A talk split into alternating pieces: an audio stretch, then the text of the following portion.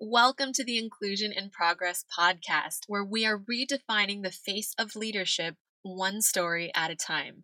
I'm your host, Kay Fabella, author and award winning visibility coach, and I'm here to amplify the voices of underrepresented leaders like you, showing you the exact steps to become authors, speakers, and influencers from people who've been the only one in the room. Inclusion happens when the onlys become one of many, which is why we need you to step up and show up as you are. If you're ready to lead the change for our communities, for those who look, love, or live like you, you've come to the right place. So let's dive into today's episode.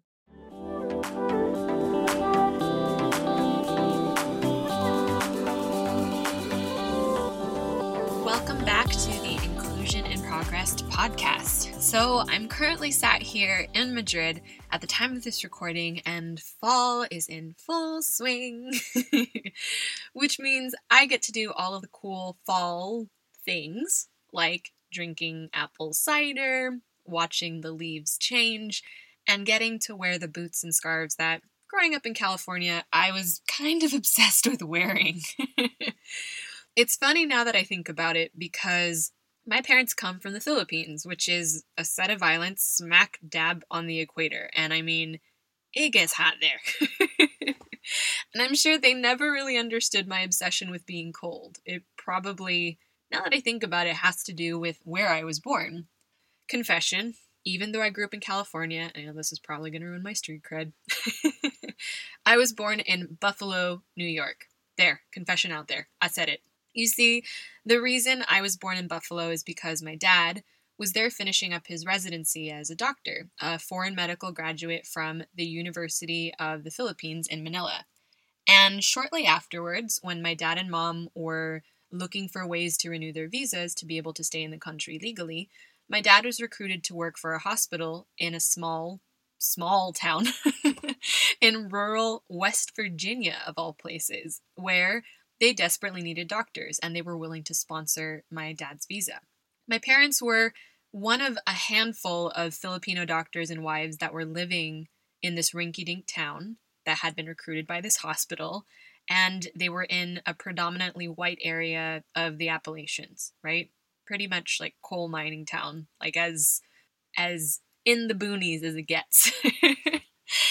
and I think on it now, and I can only empathize with how scary it must have been being strangers in a new country, in the middle of nowhere, where you stood out like a sore thumb if you were anything but a white American. I've heard only a handful of stories of what that experience was like for them. There were the funny stories. My dad used to joke that the downtown area consisted of a church, a Piggly Wiggly supermarket, yes, that's the name, and the hospital and that if you were driving through it and you blinked, you would miss the downtown area entirely.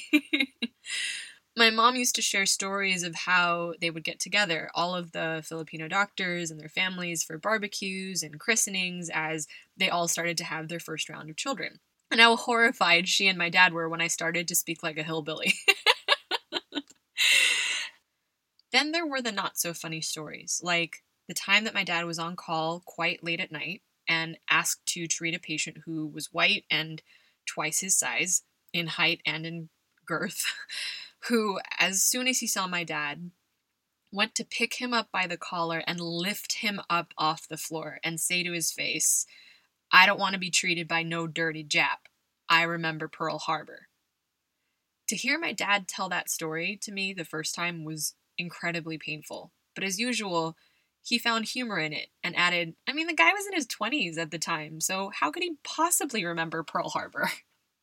It's funny, now that I'm telling that story out loud to you, I realize it probably wasn't just the cold weather that my parents wanted to leave when they decided to move to California. Like many immigrant kids, I know for a fact that my parents probably dealt with more than they've ever let on or they will ever share with me. They probably didn't want to worry me, and they probably, like many immigrants or children of immigrants that I've spoken to, thought that this was part of the deal. I mean, you've left your country behind, you get to start a new life in the US, and that's an incredible privilege. So if you have to deal with a side of racism from time to time, all you can do is smile. lower your head and keep moving for the sake of your family and to make your incredible sacrifice worth it. It's only now that I'm an immigrant myself that I truly understand and can empathize with everything that they must have gone through. And on that spectrum, I'm one of the lucky ones. Stories like mine and stories like those of my parents make up the DNA of our identities, our family histories, and they all determine how we see and interact with the world. And too often, those stories aren't seen or shared.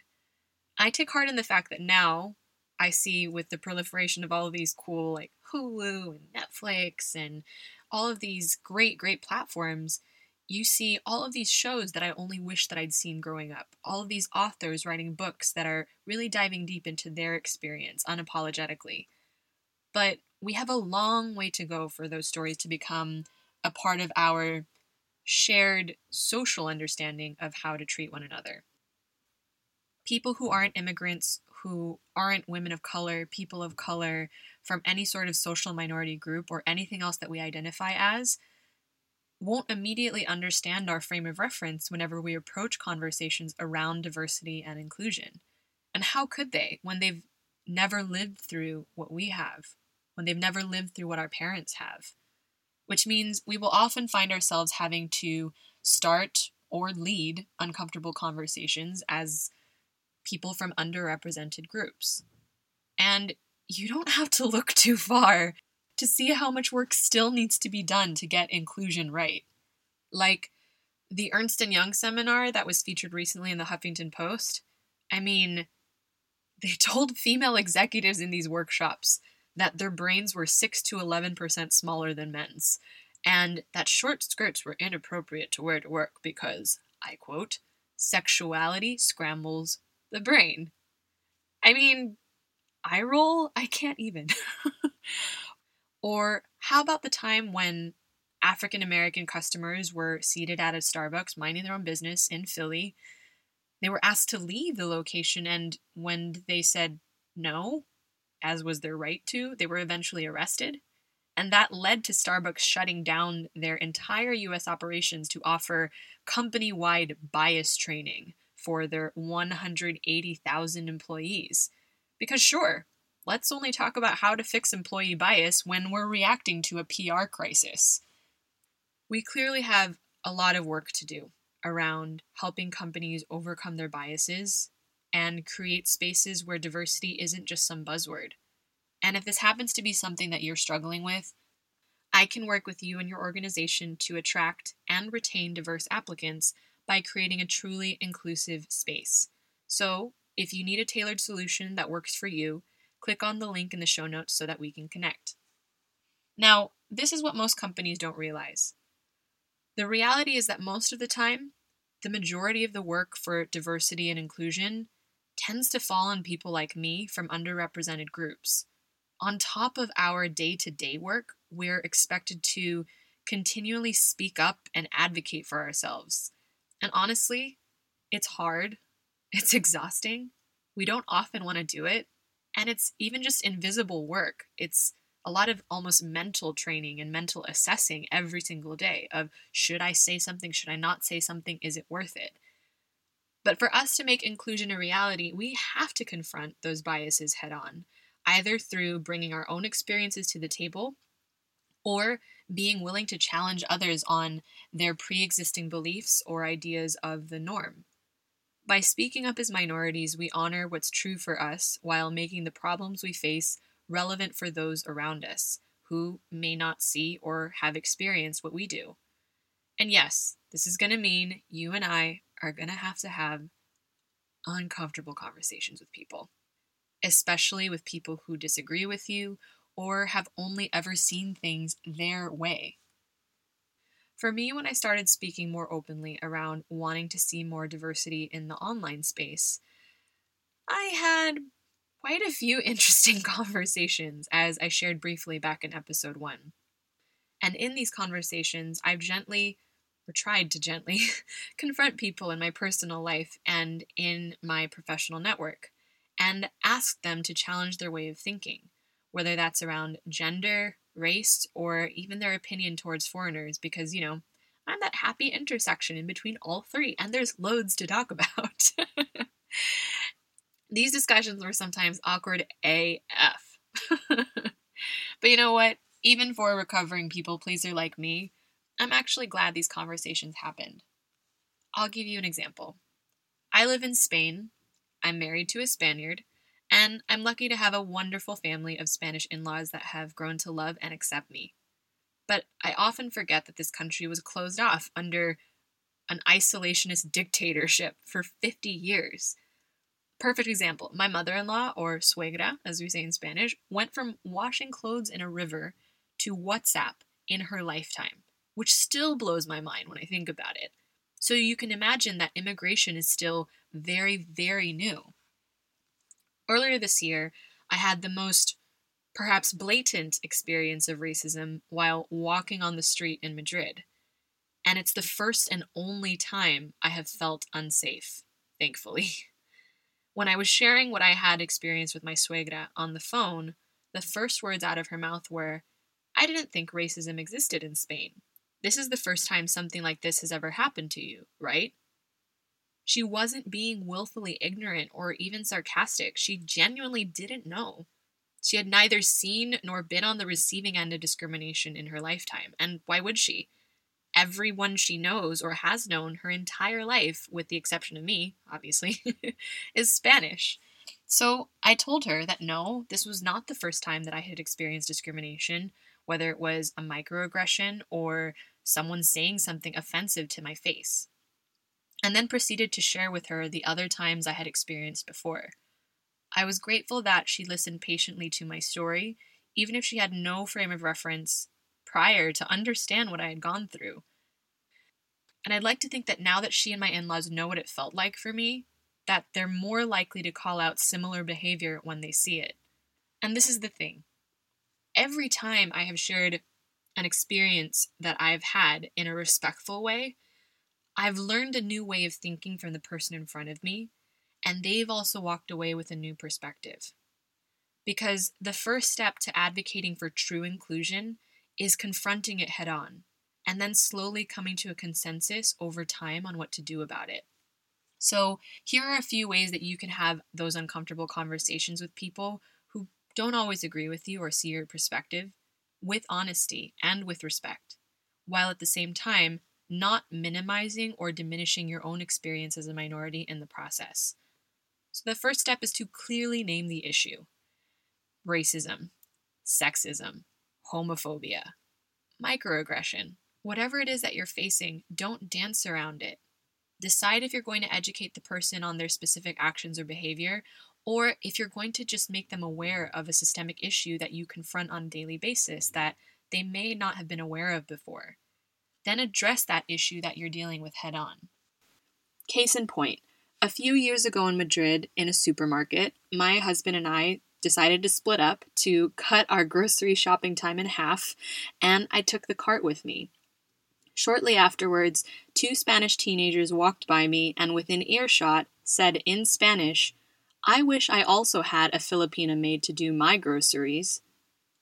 I must have been too exhausted to register what they said right away, translate that from Spanish to English in my head, and then process what I felt about it. By the time I knew what I wanted to say to them, they were long gone. My husband found me red faced, shaking, physically upset. When he asked me what had happened, I told him as calmly as I could what had transpired in front of me. And I called it what it was Javi, I just experienced a racist microaggression. I can't tell what makes me angrier the fact that it was said, the fact that I said nothing, or the fact that I couldn't process my emotions quickly enough to say what I would have wanted. After we checked out and headed home, we had a long talk that evening about race and discrimination. He never would have had an excuse to experience prejudice before, but he could see in that moment how much it had affected me, and more importantly, believed me when I told him what had happened. Since then, he's become an advocate and an ally for me in ways I'm beyond grateful for, even going out of his way to make a Filipino coworker of his feel welcome when he joined Javi's team from the Philippines. The important thing next is to be specific. If you decide to step up and share your story as a minority in your workplace, in your mind, there's clearly been a reason for it. But if the person in front of you has never been on the receiving end of discrimination, don't assume that they always have the context that you do. Think about my Spanish mother in law. Whenever I want to shed light on an uncomfortable experience, I try to be as specific as possible with what made me react or respond the way I did, and paint the picture as vividly as I can for the other person to understand my perspective. Next, remember to describe your emotions surrounding this issue. Establish your feelings around the situation and why you feel this way. I don't believe in pimping your pain out, but if you're speaking to a colleague or a manager about your experience with discrimination, you're going to have to address how it made you feel.